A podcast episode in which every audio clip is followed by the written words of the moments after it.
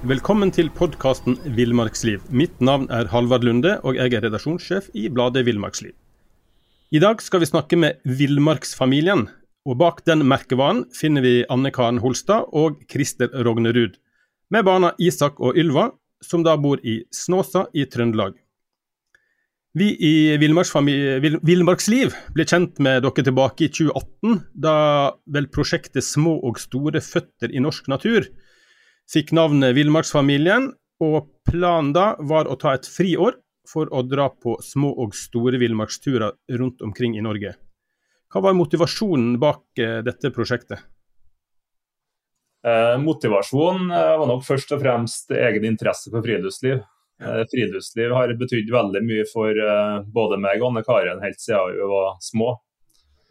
Så også var det et ønske om å gi Isak og Ylva og familien en pause fra ja, hverdagen og en utfordrende tid både for Anne Karen og meg i forhold til småbarnstid og ikke minst eh, jobb. Mm. Og så ønska vi å inspirere andre familier til å komme seg ut på tur i norsk natur. For eh, vi ønsker på en måte Det har betydd så mye for oss. Og, og det tror jeg at det er viktig å på en måte vise andre hvor fint det kan være da, å bruke den norske naturen. Kanskje enda viktigere i dag med tanke på utfordringer med klima og ja, forbruk og materialisme osv. En trenger ikke reise så langt for å ha det flott på tur. Vi fikk jo eh, spørsmål om eh, hvorfor vi ikke dro til ei stillehavsøy istedenfor. Ja. og da, vi har jo aldri vært i tvil om at vi skulle jo være på tur i Norge. Det er jo, ja. Eh, både jeg og Christer er jo fryktelig glad i Norge. Og når vi begynte å se litt på det langstrakte landet vårt, så fant vi ut at vi kunne fylle mer enn et år ja. med ulike opplevelser. Ja, vi har mye, mye fint å ta av. Mm. Det er helt sikkert. Eh, men, eh, men, eh, apropos det å bruke eller oppleve norsk natur, det er, jo, det er, jo, ikke nytt for dere. For dere drev jo i mange år noe som heter Friluftsuka eller Veka, som da er naturbaserte opplevelser for ungdom. Og så var det tilbud som het Tett på, som var et tilbud for barn i barnevernet. Kan dere fortelle litt om disse prosjektene? Når jeg og Christer var ferdig på lærerskolen, så, eh, så, hadde vi jo lyst allerede da å drive med natur. Det var jo det vi, mm. det, var det vi alltid har ønska. Så det vi starta med som egentlig sommerjobb i starten, det var at vi ville lage de beste ferieukene i året mm. med å ta med oss barn og ungdom på tur. For både jeg og Krista har jo hatt veldig fine opplevelser som eh, barn, vi òg. I naturen. Og eh, så starta vi med det, og etter hvert så så vi det at det var en, ganske mange ungdommer som hadde behov for noe mer. Og vi fikk mange forespørsler fra barnevernet om ungdommer som trengte opplevelser, gjerne litt større ungdommer som trengte opplevelser i helga som alternativ. Så vi hadde med oss ungdommer i flere år eh, med helgesamlinger. Så um, med, vi hadde de med på hundekjøring, vi hadde de med på eh, padleturer. Veldig, veldig mye forskjellig. Snøhuletur, mm. fiskerturer, fjellturer. Mm. Hvordan var responsen fra de ungdommene og barna som var med på sånne ting? da? Ja, Den var enorm. Vi hadde ei jente spesielt fra Namsos som var med oss i seks år. Fra var 10 til 16 år. Så vi regnet på det. Borti 60 helger var med oss på tur. Og hun begynte å sende oss eh, gaver sånn i jula og på takka det har betydd så mye for henne. Dere. For hun hadde jo vanskelig hjem, sant. Utfordrende kanskje på skolen hjemme. Og så har vi meg på alpint, kommer jeg jo på skisenteret i nabokommunen her, i Grong. Og da sa jeg at hun var så stolt, vet du. For nå kan jeg dra på tur alene. sant? Hun kunne ta, hun var kanskje 15 år, nå kunne jeg dra på Bjørgan og kjøre på ski sjøl. Så vi passa på. på en måte, Vi hadde både litt mer moderne friluftsliv med alpint, men mest tradisjonelt friluftsliv. da. Og det, vi så jo hvor mye det betydde for dem. Det handla vel litt om mestring, kanskje? Det mm. handla veldig mye om mestring. Ja. Mm. Så, nei, Det betydde utrolig. Altså, det er en gruppe ungdommer som 14-15 år er en sånn gruppe som faller mellom to stoler. For at eh, Fosterhjem er skeptisk til å ha så gamle ungdommer. Sant? De kan være krevende, de er store og sterke og kan være litt sant? Eh, ja, kan være aggressive noen timer. Det opplevde vi òg. Men eh, vi holder på i ti år, og ti-elleve år, men jeg tror jeg har kun to episoder at uh, jeg måtte gå fysisk inn og avverge noe. Så jeg tror det handla veldig om at vi fikk veldig gode relasjoner til ungdommene, og de skjønte at vi ville dem det beste. Og så hendte vi måtte sette noen grenser. Ja, vi måtte sette grenser mye, men fysisk var veldig. Ja. grenser var veldig viktig å ha. Men også var det viktig å vise at du uh, brydde deg om ungdommene, at du var glad i dem. Og Da skjønte de det at vi ville dem det beste, og da ble det sjelden noen store problemer. Mm. Ja, og denne her, jeg har sagt, røde tråden den er jo fortsatt med dere i livet, for dere lever jo i stor grad eh, fortsatt av eh, natur og, og, naturbasert reiseliv. Og du Christer er jo frilanser, eller begge to er jo frilansere for oss, og dere skriver bøker og, og holder på. Ja, det var jo litt sånn overgang fra eh, vi holdt på med vårt eget firma for til ungdommer og sånn, og så fikk vi ja. to små barn. Og det gjorde jo at vi eh, fokuserte Måtte fokusere på mer på familien. Mm. Og da, da, da, dreide firmaet vårt litt uh, i en annen retning, da. Så frilanserjobben den kom i 2018. Ja, men Bakgrunnen for frilanserjobben var jo at vi skulle ut år på tur.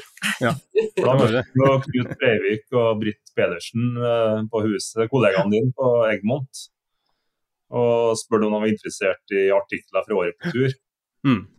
Og Så sa de at de måtte komme til Oslo og ta med litt bilder og fortelle litt om uh, prosjektet. Hmm. etter jeg har vist bilder og holdt et lite foredrag, da, så sa de du skal skrive for oss. så var, Det var faktisk starten på frilansjobben for Villmarksliv. Eh, og da skrev vi månedlige artikler fra året på tur. Og så ble det mye mer artikler òg, så det var en viktig finansiering for oss på, mm. på tur. Mm. Så det var et veldig bra og, bra og fint møte. Ja. Men For å hoppe litt tilbake til villmarksfamilien. Eh, vi var jo innom eh, motivasjon til turen, og, og i forkant så, så, skjedde det jo noe som Du, du Christer, vi snakket jo litt i forkant her, og da snakket du Du kalte det for et veikryss. Som, som, kanskje da gjorde at det var godt å på en måte ha et lite sånn friår, da. Hvis en kan kalle det et friår. Du jobba jo med å skrive og, ja. og gå på tur. Ja, det, vi kalte, vi kalte det jo et sånn annerledesår. Ja, ja. Nei, det var, det var et, ble et eh, veiskille til meg. Jeg varsla jo om eh, Det har vært mye om trakassering i Forsvaret og, NR, eh, og mer til som NRK har hatt. Og jeg opplevde det samme sjøl, at de ble rett og slett baksnakka og motarbeida. Og varsla gjentatte, gjentatte ganger om trakassering til skoleledelsen. Men de gjorde så å si ingenting. Og jeg opplevde det ble veldig krevende. Da, for flere av kollegaene mine brukte elevene til å prøve å sette dem opp mot meg, da. men elevene de eh, stilte opp for meg. Da. Så det endte jo opp med at jeg ble uh, sjukmeldt og fikk både fysiske og psykiske problemer. Det pågikk i mange, mange år. I starten så bare rista jeg av meg, men til slutt så gikk ikke det. Kroppen sa ifra at nå er den kollapsa, rett og slett. Så jeg ble uh, det veldig deprimert og måtte bort fra jobben, tok et års permisjon uten lønn. Og i 2015 da, så bestemte vi oss egentlig da egentlig ideen om året på tur kom. Mm. At, for Jeg følte jeg ikke vært til stede for ungene mine. Sant? Jeg har vært mer enn nok med meg sjøl. Og jeg fant veldig mye styrke i naturen. Så jeg dro jo på jaktturer og fisketurer og ga meg null og niks. Jeg har ikke noe glede med å gjøre dem, de bare tvinga meg til å gjøre ting som jeg har trivdes med før. da. Og sakte, men sikkert så begynte jeg å komme tilbake til meg sjøl. Og det var nok en gang altså, Naturen har alltid betydd mye for meg. da.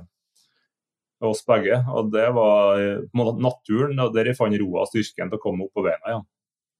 Så tror jeg kanskje òg at uh, det, det, er krevende for den som står i det, men det er òg krevende for oss rundt. da. Så jeg, eh, jeg, husker jo godt altså i 2015, da var Ylva to år og Isak var fire år. Og vi konkluderte jo fort med at det var litt tidlig. Men det å ha denne drømmen, det her målet om at vi skal et år på tur, det var utrolig viktig for meg òg. For da hadde vi på en måte noe vi kunne se fram til. Om det var tøft i hverdagen, så, så hadde vi liksom det her Ja, men vi jobber for det. Når, eh, og Først så snakka vi om ja, fire og seks, nei, kanskje litt for små fortsatt. Og så konkluderte vi jo med at i 2018, når de var fem og sju, da, da, da, var det riktig tidspunkt. Riktig tidspunkt for oss, iallfall. Mm.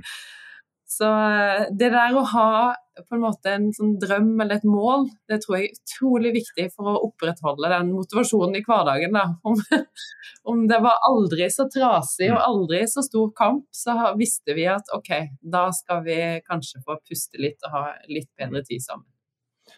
Så det som skjedde videre, da var jo at uh, når jeg kom opp igjen, så bestemte jeg meg til å gå tilbake på jobb igjen. Jeg ville ikke la meg bli pressa bort. Og bare for å hoppe langt fram i tid, da, det endte jo til slutt med at når jeg kom tilbake, så begynte jo, fortsatte jo den eh, trakasseringa og baksnakkinga.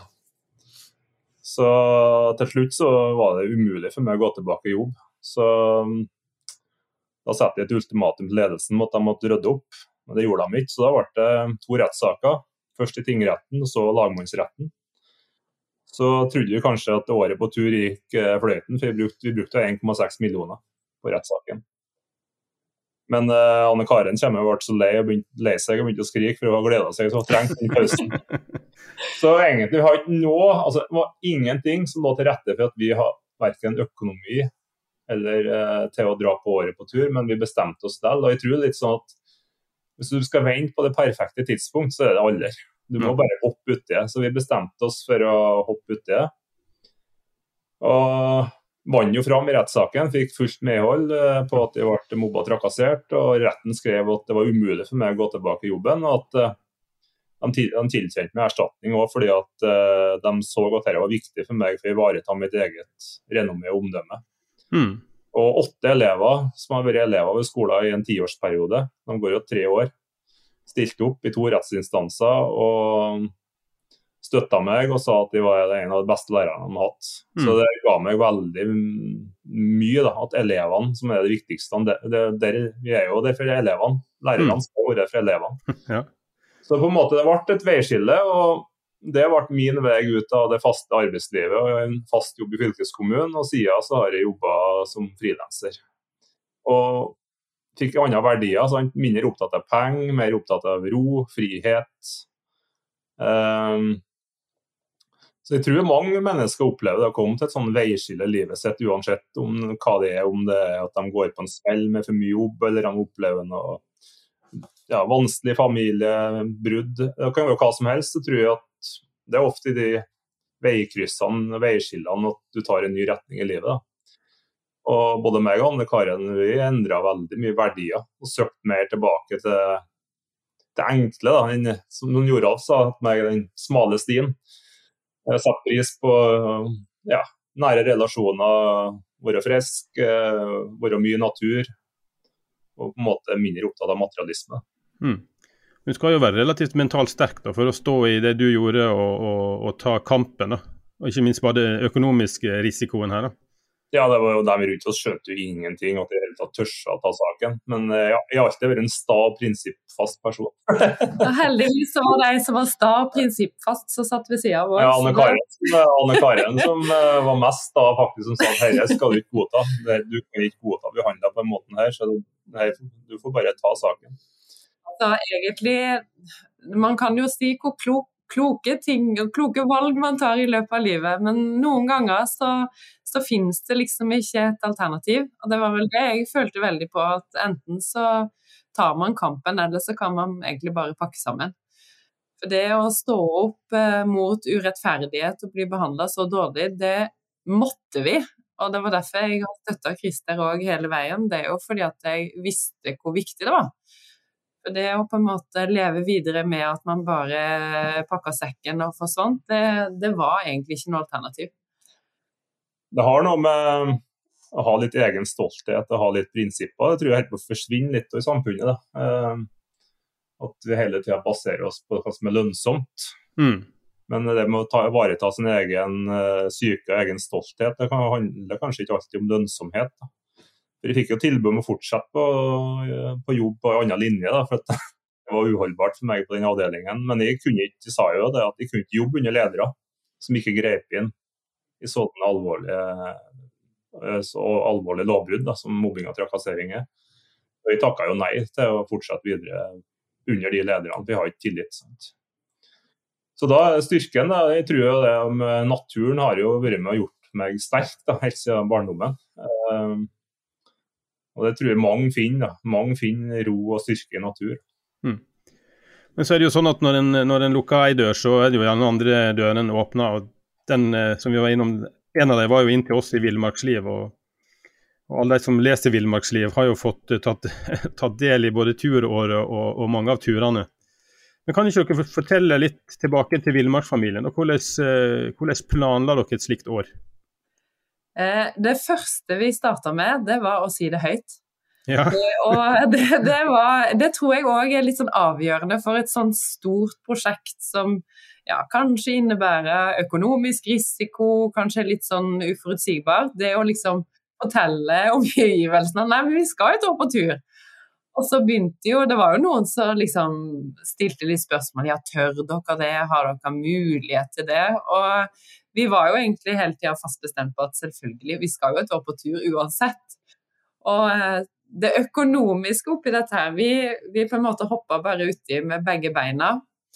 Og var jo så heldige at vi fikk med dere i Villmarksliv, da. Ja, ja.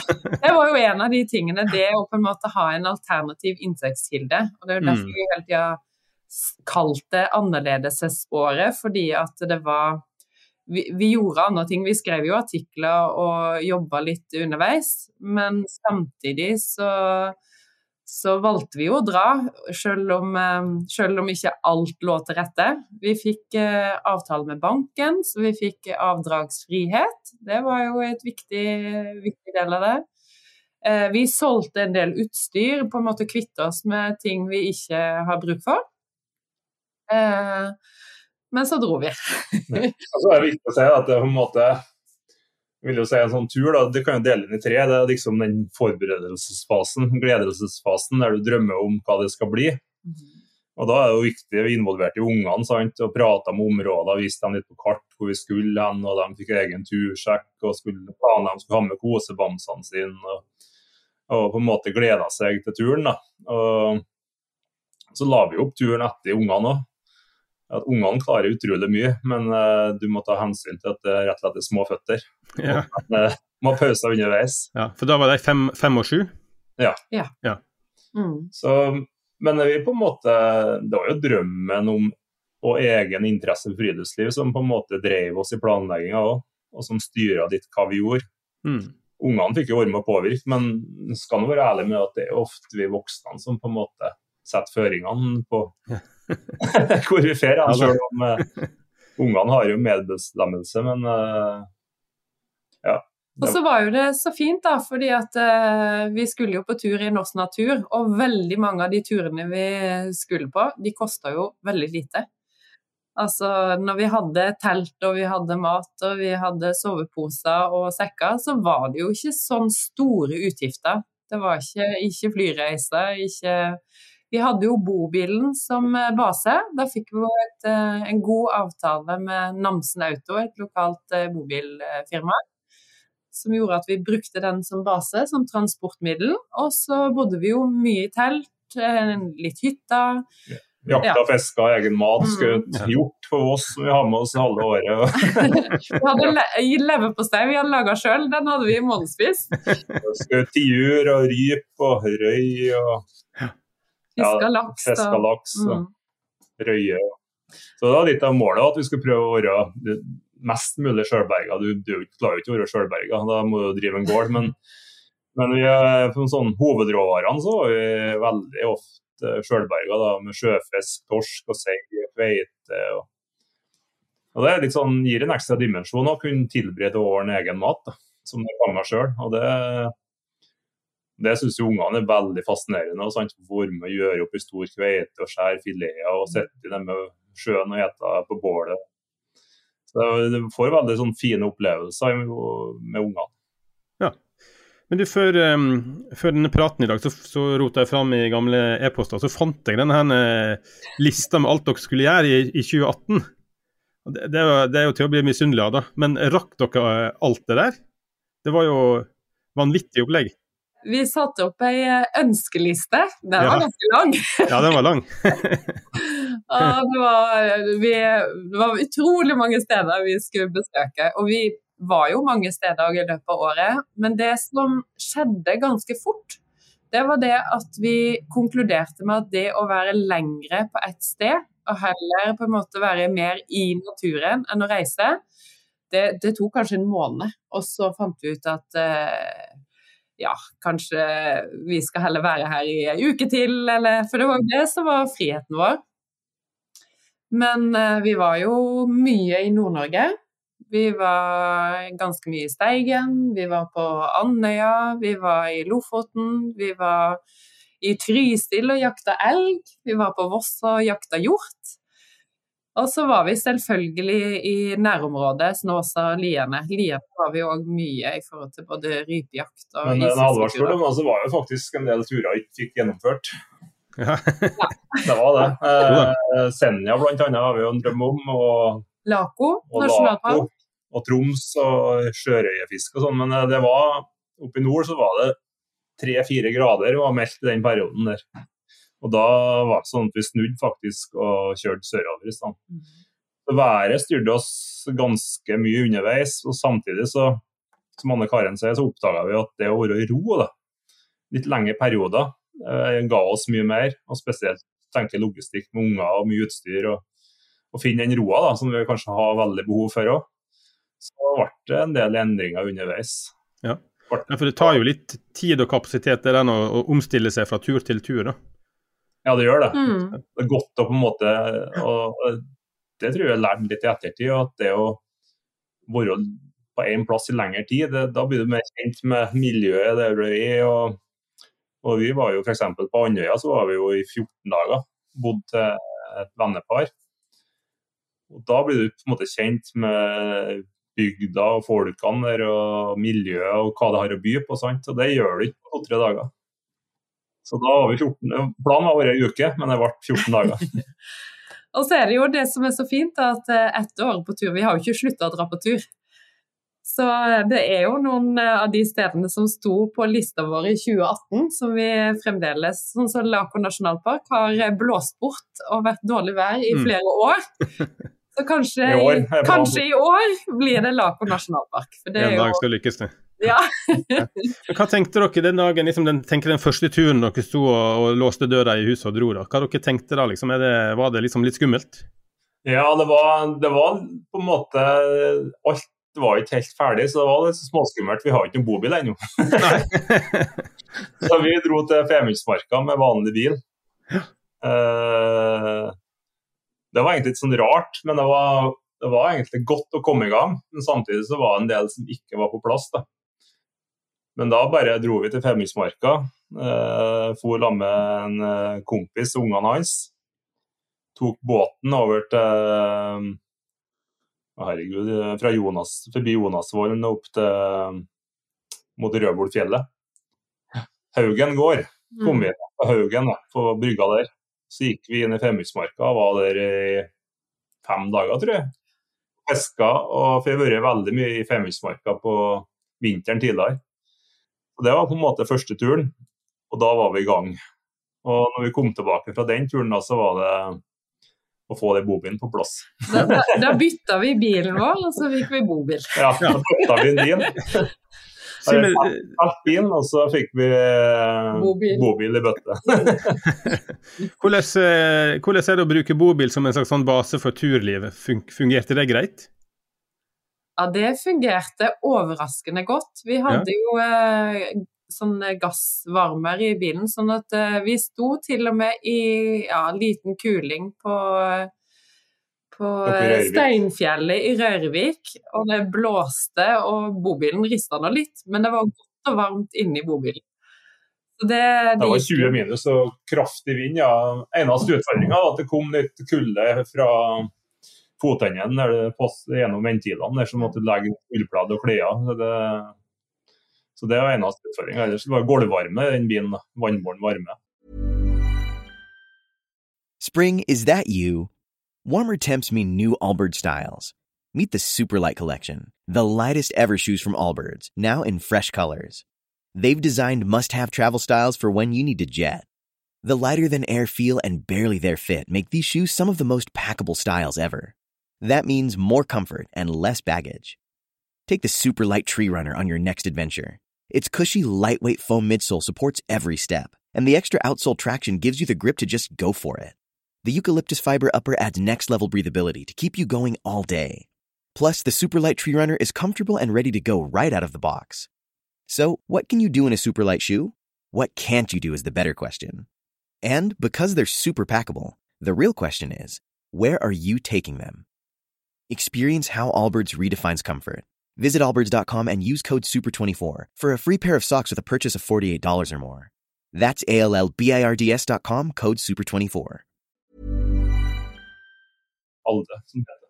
Så vi ble, men så ble vi jo godt vant med å liksom pakke lurt, da. Fordi at det er jo hakket trangere å bo i en bobil enn i et hus. Ja. Vi er Så- tett på hverandre, for å si det sånn. Så det, det, jeg vil ikke anbefale å bo Det var greit å ha noen perioder ved å være ute av bobilen, ja. Ja. Fordi at jeg konkluderte vel med det etterpå at uh, det passer vel best for pensjonister. Og i tillegg så hadde vi jo en Gordon-setter. Men han, ja. han var jo tolv år, og han trivdes jo godt med å være så nær oss. ja. Så han, eh, men han lå nå på gulvet og sov, han i bobilen, og Mm. så var han med på tur.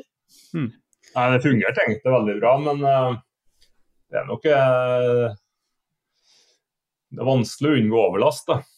Ja. Jeg sa jo det den ene når vi snakka med men Så lenge dere holder dere i Nord-Norge, går det bra. ja.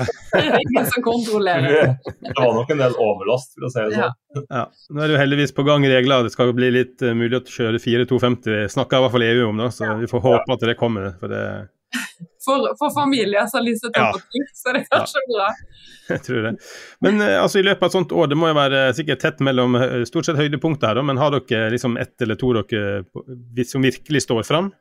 Vet du, Vi har eh, stått og snakka litt om det, og vi, vi lista jo opp det ene høydepunktet etter det andre.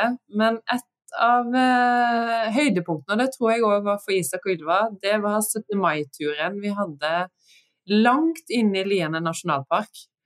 Da var jo Ylva fem år, og både Isak og Ylva gikk 17 km på ski.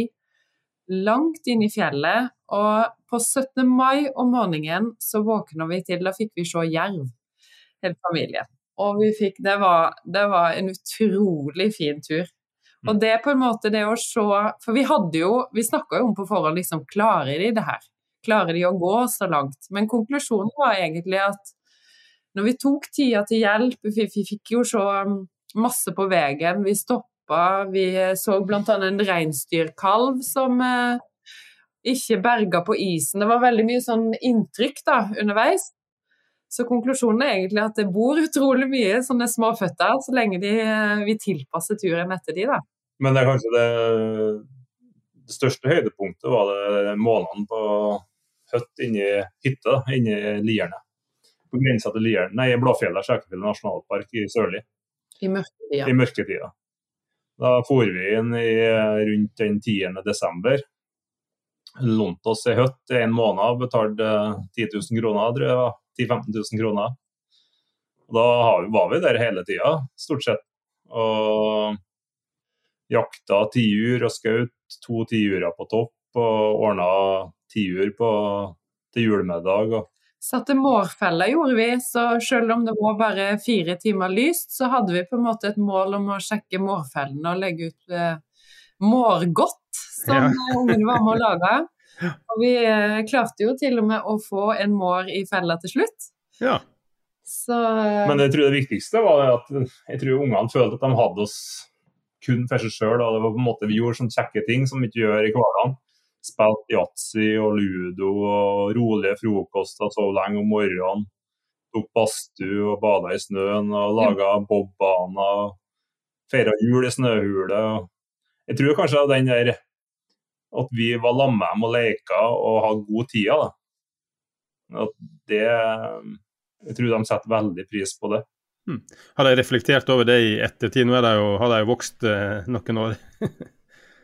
er det ting de snakker om liksom, som står fram, at det, det var Ja, kjekt? så, og så kommer det innimellom sånn Å, skal vi ikke snart på tur igjen? Altså, det, det, det ligger der hele tida om uh, ungene er aktive med ski og skiskyting og fotball og sånn. Så, så er det, jeg tror òg det er et sånn ønske om at åh, nå gleder de seg. Fordi at til, I vanlig hverdagsliv så har man ikke tid til sånn lengre turer, da. Nei. Men denne roen, det å spille kort og ligge i teltet og ha god tid og ja, det Og så er det kanskje sånne, sånne minner de tar med seg. altså En vet jo alle at ungdomsår er veldig hektiske, men når du da blir voksen sjøl, så har du liksom en bas, base for å starte ditt, ditt eget turliv, da kanskje. mm, Forhåpentligvis. Det er jo det som har vært målet vårt. Ja, men jeg, jeg, tror- jeg, tror- jeg tror du har rett i det, fordi at uh, det du opplever som ungdom, eller unger, da, det setter seg veldig. og så kanskje det ikke virker så positivt på alle turene bestandig. sånn Tungt og langt å gå, og det er mygg og det regner. Og. Men, når du, men når de kommer hjem, så merker vi at de har sånn euforisk stemning nå. da. Altså Han har vært på en femdagerstur og levd enkelt. da. Litt og blitt kald og bløt. Og. og den glede, ser den, den kontrasten med å komme hjem. Og liksom å få ta en varm dusj, sette seg i sofaen, få en varm kopp kakao. og liksom, jeg tror det, det tror jeg vi voksne av. Det med Når du har vært mye hjemme, så blir du lei av å være hjemme. Mm. Eh, Lei av komforten. Ja, Du lærer deg å sette pris på de enkle, enkle tingene, da. Ja, jeg tror det, Mm. det merker vi også. at de, også Etter året på tur snakka om Ylva spesielt. da. Skal ikke få et år på tur igjen, så. ja. Liksom, så det, Og det har de jo snakka om. Men så er Ja. konklusjonen er at og da blir det så fryktelig mye lekser. Ja. Litt større. Ja, ja, ja. For, for, Ja, eh, for han eldste, eldste var jo i første klasse, han vel noe dro av gårde? Han gikk i andre klasse, Andre klasse, han gikk i andre klasse i 2018. Og det, var jo, det var jo noen som liksom nevnte var litt sånn skeptiske. Hvordan skulle det gå med det sosiale og litt sånn ja, både fag og Men eh, det vi gjorde Jeg tok jo hovedansvaret for eh, hjemmeundervisninga, Ja, eller turundervisninga. Ja. Så vi hadde skole når det var dårlig vær, og så hadde vi eh, naturskole når det var fint vær. ja. Så, og jeg tror, eh, jeg tror han eh, Jeg husker godt når han kom på skolen etter å ha vært et år på tur, da. Da sa han 'Jeg har ikke gått glipp av noe, mamma'. For da var det egentlig det. faglige Altså når, når du går i andre klasse, så er det ganske overkommelig, da. I forhold til fag. Men eh, hva det har gitt oss som familie, tror jeg er uvurderlig, da. Ja. Vi har vært litt sånn innom det, og, og vi hører jo om familier som dere som tar et friår eller et halvt år eller noe sånt. Er, er det noen liksom tips for å få ting til å gå rundt? Altså, Vi snakket jo litt om økonomi og skaffe seg alternativ inntekt. Og... Men, eh, men altså, huslånet kommer jo enten en vil eller ei. Selv om det bare, selv om det bare er rente, så kan det være nok. jeg tror det handler om å du, du må ville 100 mm. du må, du må velge å gjøre noe som du virkelig ønsker. Og først og fremst for din egen del, altså for familien sin del. Ikke være styrt av ytre motivasjon, men av indre motivasjon, tror jeg. Og så, når han har satt seg den drømmen, så må han prøve å forankre til at det blir en felles drøm for dem som skal gjøre det, om det er tre eller om det er fem i en familie. Og så, og så er det egentlig å begynne å snakke som Anne Karen sier, snakke høyt om det, og begynne å drømme, begynne å se på kart. Og så tenke, eh, og så må man jo tenke på økonomi òg, men det kommer i andre rekke, tenker jeg. Da må man se hvordan kan vi finansiere dette. her, For drømmen og driven i hele gruppa må være først, og så må får han ta de utfordringene som kommer etter hvert. Men de jo, det er jo viktig med økonomi. Mm. Men vi var ikke så bekymra for pensjonspoengene. da. Er som, eh, Det fikk jeg spørsmål om, da. Ja, OK. Et års permisjon. Ja. Om jeg i det hele tatt hadde tenkt over eh, eh, alle de pensjonspoengene jeg eh, mista på det året. Jeg tror, jeg tror det handler om um, Du må ha både fornuft og følelser, men uh, nei, fornuft og Følelsene er kanskje viktigere, da. Og ha den der indre motivasjonen. Så kommer fornuften etterpå. Mm. Men dere snakket jo om det var det i 2015 dere begynner å snakke om det, og så, ble det i 2018. Så det er klart at eh, Mm. hvis en tenker tre, fire, fem år fram, så kan en jo liksom En vanlig familie har jo Eller mange har jo mulighet til å spare litt hver måned. Ja, ja, ja. Da, kan du, da kan du jo sette deg opp et budsjett så du vet sånn cirka hva du trenger. Da, da er, er det jo mulig for mange, faktisk. Det er mulig for mange, det. Og så tenker jeg jo det at det er jo ikke sikkert at ett år på tur passer for alle, men Nei. kanskje en eh, lang sommerferie, f.eks. Ja. For jeg Mm. tror jo at det er mange som kanskje har litt sånn hektisk sommerferie, der de har tre uker å slå og dra på tur, og så kanskje at man kan planlegge at man tar permisjon uten lønn i, som på to måneder. Ett år på tur trenger ikke være riktig for alle. Nei, jeg tror det handler om at man finner noe som passer seg sjøl. Mm. Uh, vi var i kanskje en litt spesiell situasjon der vi følte veldig behov for å komme bort fra hverdagen. Uh, så for oss var det på en måte ble det på en måte um, planen og drømmen. Men så fikk vi òg eh, Vi snakka jo òg med, med, voksne som har, altså som har voksne unger nå. Og det var en del kommentarer på det skulle vi òg ha gjort. Det tenkte vi på når ungene var små eller ungene var mindre. Så, og de klappa jo oss på skuldra. Så, og vi har jo møtt familier Vi møtte jo bl.a. en familie når vi satt på toppen av Galdhøpiggen. Mm. Eh, der de hadde lest om oss i Villmarksliv. de kjente oss igjen. Du og sa det er ikke Villmarksfamilien, sa de. ja. Eh, ja, det er bra. Og de sa jo at de syntes det var kjempeartig og inspirerende, så de kommer jo på Galdhøpiggen mm. og følger oss. Så jeg tror jo om ikke man, man, tar på en måte steget ut og tar ett år på tur, men at det kan inspirere til at man tar, drar litt oftere på tur, da. Om det er kortere tur. For det har jo vært målet vårt òg, at eh, det trenger ikke være de lengste ekspedisjonene. Det er ikke det som er målet. Målet er å ha det fint på tur, om det er i, eh, i bakgårdene eller om det er langt opp på fjellet. Ja da, de fleste av oss bor jo tross alt nær, nær turområder, så. Og det gjør jo dere, for eh, dere, Vi har jo nevnt Snåsa, men, men, og dere bor jo i, i et villmarks-eldorado. da.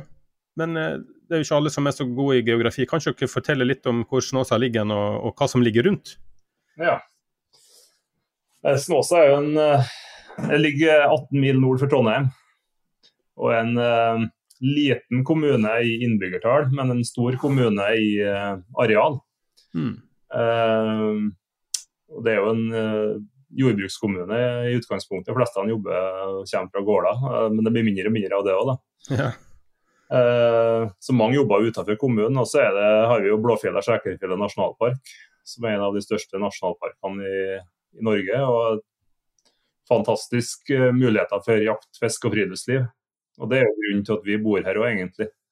For Det er jo begrensa med jobber, og mange jobber utenfor kommunen og pendler til Steinkjer og nabokommuner. Uh, så det er jo et, det et villmarkseldorado, og spesielt rypejakta. da veldig, eh, det, Snåsa er jo ofte blant de to beste rypekommunene i landet, der det skjøtes flest ryp. da. Mm. Det er Nierne som ligger på topp, og så Snåsa ofte nummer to. Ja. Så rypejakta, som vi sier, rypejakta er kjent for, eh, nei, Snåsa er kjent for rypejakt og, og Snåsamann. ja. ja. Og, vil, og, og villmarka, da. Og villmarksfamilien òg, da. Ja. ja og ja, men det som er så fint på Snåsa, da, sånn så for vi som bor her, det er jo det at vi trenger ikke dra langt for å komme oss ordentlig på tur. Altså, det er jo um, store områder der det verken er stier eller, eller på en måte utbygd, så vi kan mm. føle at vi er ordentlig på tur bare ved å ta oss en liten avstikker. Mm. Mm. mm. Men nå har du nevnt eh, Joralf et par ganger, altså um, Joralf Gjerstad, Snåsamannen. Og, og, og, dere har jo faktisk skrevet bok om han, dere hadde et tett forhold til han, og boka heter 'Evig håp'. Og da jeg leste den boka, så, så var jo litt min første tanke at ja, ja, dette er jo dette er tilfeldigheter, og folk kan jo bli friske av seg sjøl, og placeboeffekten vet vi jo virker, og, og, men liksom jo lenger ut i boka jeg kom, til, til liksom, så gnog det meg at det, er, det, det, det, kan ikke bare være flaks og tilfeldigheter. Det er, liksom så, det er så voldsomt, på en måte. da. Mm. Så uh, til slutt da konkluderte jeg jo med at det, er nødt til å være mer mellom himmel og jord enn det vi, vi ser. Ja. Så, men, men kanskje dere forteller litt om, om eh, forholdet deres til, eh, til Joralf? Jeg vokste jo opp eh, sammen med sønnen til Joralf, Svein Magnus Gjerstad. Han gikk jo på barne- og ungdomsskolen i ni år sammen med meg. Jeg trodde jo barneskolen min i huset den, i heimen til Joralf. Så jeg, jeg, var der så mye at, at når jeg var til kona til Joralf Signe, så sa jeg hva skal vi ha til middag i dag? da flira de rått begge to, både Joralf og Signe. Jeg syns det var kjempeartig at de følte meg så hjemme. Det er på en måte ja, jeg kjenner dem fra innsida, da, føler jeg. Uh, ja. Og har vokst opp gjennom sønnen. da. Og, men spesielt de siste seks årene han levde, fra 2015 fram til 2021, juni, 18.6.2021, Joralf gikk bort, så hadde de veldig mye med vi hadde veldig mye med Joralf å gjøre. Både i forhold til at han var veldig engasjert i å støtte oss i den tøffe perioden vi gikk gjennom i forhold til tidligere jobben, men òg i forhold til at han spurte oss om å skrive den siste boka hans. Og Da var jeg veldig mye lammen og fikk, ble kjent med på en helt annen måte. Og fikk være med og se når han behandla folk, når folk ringte og spurte om hjelp. Jeg satt mange ganger satt ved sida av ham når han hjalp folk og tårene kom. Ja. Jeg husker jo mitt, uh, mitt, første møte, eller det var egentlig ikke et møte. Det var på avstand. Jeg hadde, gikk på lærerskolen, det var akkurat uh, rett etter jeg hadde møtt Christer.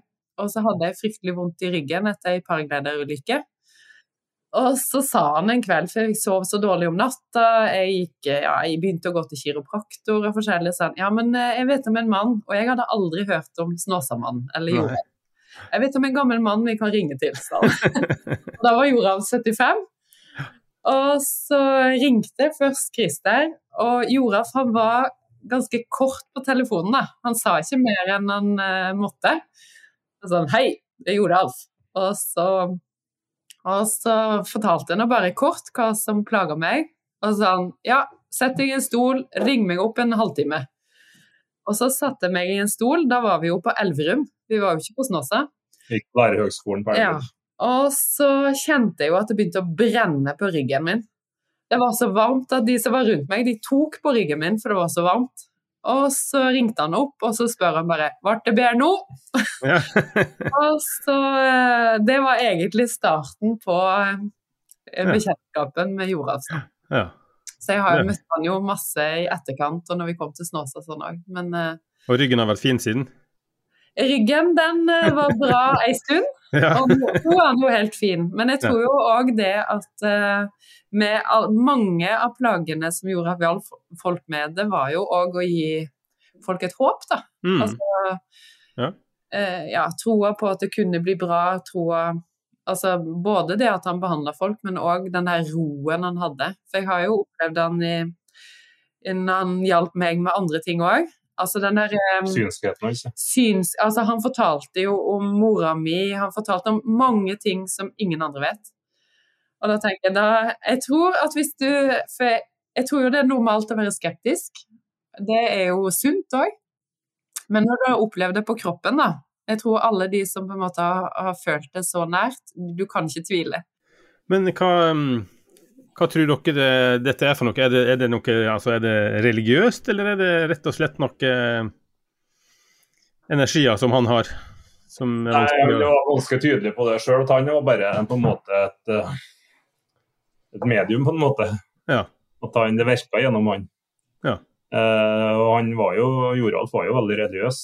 Men han var, men tror ikke det var mange som visste at han var så egentlig, selv om han var klokker i, i bygda, sånn, så, så tror ikke mange opplevde han som en sånn religiøs type. Han var en folkelig type, han snakka ikke, han var ikke en forkynner. Um, men Vi kan jo ta en historie ja, som er egentlig ganske Det skjedde jo nå på slutten, det var i 2019 en sånn, tror jeg det var. Et par siste årene han levde. Så har jeg vært på Steinkjer og trukket en jeksel. Og så sier tannlegen etter han trukket den jekselen at uh, nå må du få til deg Ibux e og Paracet. Så tar du én av hver, eller to av hver.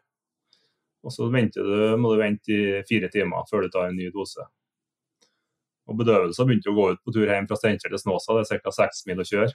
Så kom jeg hjem og så sier jeg til karen å herregud, dette blir en lang kveld og en dårlig natt. Så jeg, jeg fikk beskjed om å kjøpe mer Ibux. og så jeg lå jeg på sofaen her om kvelden, og så ringer en Joralf. Og så sier deg, jeg har jobba med boka, tar deg en tur i kveld. Så sier nei, jeg har ikke uh, mulighet til det. Jeg ligger helt utslått på sofaen, så jeg har sånn smerter i, i kjeven. Det var greit, ja. La på. Gikk to-tre minutter, så kjente jeg smerter forsvant. Så jeg oppe, og så rister jeg meg på sofaen og så begynte jeg å gå på gulvet og si dette går ikke an, karen. Hva som skjer nå? Jeg har ikke spurt om hjelp engang. Så tenkte jeg det er bare tull. Og så bare ikke time, 20 minutter, en halvtime. Nei, det var ikke noe smerter. Helt bort. Så det, ikke, det tok noe mer eh, Paracet og Ibux. Så tok jeg og kjørte oppover på heimen der han bodde, på sykehjemmet kakka på døra, og så Han ser jo dårlig, så helt bortåpen og tok han i hånda. Og så 'Kommer du likevel?' Ja, sånn. Ja. og så er det rart jeg sier at de snakka med deg, så forsvant jeg tannpina, så flirer han bare. og det, var måte, det var ikke placebo, for jeg hadde ikke noe forventning. Jeg spurte ikke om hjelp. Altså, det var... Men det er jo en annen eventyrer også, som har hatt en Børge Austland. Han uh, har jo ganske mye med å gjøre tidligere, og han var på Snåsa og var med på festkartur inne i Børgefjell. og så det at, de, vi hadde god kontakt med Joralf. Så spurte han om vi kunne komme på Snåsa og få besøke ham. Han hadde noe problem med venstre øye, en sånn venelekkasje. Og så hadde han problem i, ryggen. I korset hadde han problem med ryggen. Så sa jeg bare kom til Snåsa, så skal vi ta oss en tur. Så kom han til Snåsa, vi møtte han Joralf i døra. Så sier han ja, du blir med inn her, sammen med Børge inn på arbeidsværelset hans. Så måtte de sette han eh, i stua. Det. Så var han igjen en god stund, og så kommer en Børge ut og smiler. og Går vi ut av huset, og så sier han hva rart, jeg ble helt fin i ryggen.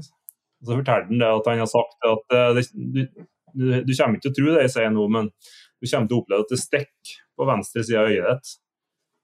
Du skal ikke bekymre deg for øyet ditt, for det kommer til å bli helt bra. og Det vil ikke være noe problem for turene dine. Og så sier han ja, men du, har du fortalt at de skal på seiltur rundt Nordpolen, sier han. Nei, sier det har jeg ikke fortalt noe om. Det er så rart. Han sa at uh, vi skulle ta imot den hjelpa jeg kunne få, sånn. Og så kom du til Du skulle på seiltur sør for Grønland, og dere skulle innom Færøyene. Så sa han det var noe, uh, vi skal jo ikke innom Færøyene, sånn. Og så I forbindelse med jobba med boka tok jeg kontakt med Børge og så spør jeg hvordan ble det egentlig med den seilturen. Sen den gjorde at vi fikk rett. Vær og vind gjorde at vi måtte innom Færøyene. Og så spør de hvordan er det med øyet. da. Det har blitt helt bra. sånn. Og han fikk, gode, han fikk gode hjelpere på veien, ja, som ble hjelper. med på turen. Ja, han fikk gjerne en del hjelp under. Han tenkte spesielt på det. Så det er uten tvil mye mellom himmel og jord. Mm. Det er litt sånn som Joralf sa innimellom, så sa han ja, men det hører til min verden, det, vet du. ja, ja, ja. ja. Nei, det er bare for, de som vil ha flere historier, så er det bare å lese boka 'Evig håp'. Så, så ja, men, eh, det er hans siste hilsen til folket. Det... Ja. Mm. ja, den er fantastisk, da. Men altså, vi skal begynne å nærme oss slutten her nå. Men Joralf eh, var vel òg, eh, har sagt, glad i friluftsliv. Men og siden vi, denne episoden skal jo sendes i påska, så har dere kanskje en god sånn påsketur å dele med oss? Ja. ja. Vi, vi, har jo egentlig mange. Mange. Men, uh, mange. men vi er veldig glad i å ta med oss teltet da, og komme oss på isfisketur i påsken. Så vi har, uh, vi har hatt uh, flere flotte turer inn til Havdalen i Liene der eh, tar vi med oss telt og sovepose og gode liggeunderlag, og så prøver vi å lure røya. Eh, vi har påskeskirenn, og vi har venter på påskeharen. Men det her eh, å sitte på isen og sola varme, og vi finner fram Kvikk Lunsjen, og vi klarer å lure den røya som er så lunefull. Det er en stor opplevelse både for eh, små og store. Vi har jo opplevd å fått Røye og Ylva og Isak lage akvarium der de legger Oi. på isen. Lage basseng på isen, ja. Altså. Basseng på isen der røya får lov å svømme litt. Ja. de får studere røya både opp og ned. og hun ja. får navn, og det er ikke måte på. Et tips da, det kan være å få på et uh, vann som både har røye og ørret. For røya kan være veldig vanskelig å lure. Så ørreten får du stort sett bestandig hvis du har med et markutsett. Sette ut en bjørkvest med bjelle på med mark. Mm. Det er veldig artig. Ungene syns det er veldig artig da, når de begynner å ringe bilene ute på isen. Ja, ja. men eh, da må du sjekke at det er lov med nattstikker. Det er ikke alle områdene lenger sør i landet iallfall det er lov, men her oppe i, oppe i nord så er det lov. ja, ja, Det står vel på eh, i natur eller der en kjøper fiskekort og sånt. Mm. Men isfisketur i påsken med sol, det er en uslåelig kombinasjon. Ja, det er et godt tips. Mm. Da tror jeg vi bare sier takk for praten, jeg. Mm. Ja, det var hyggelig å være med. Veldig hyggelig.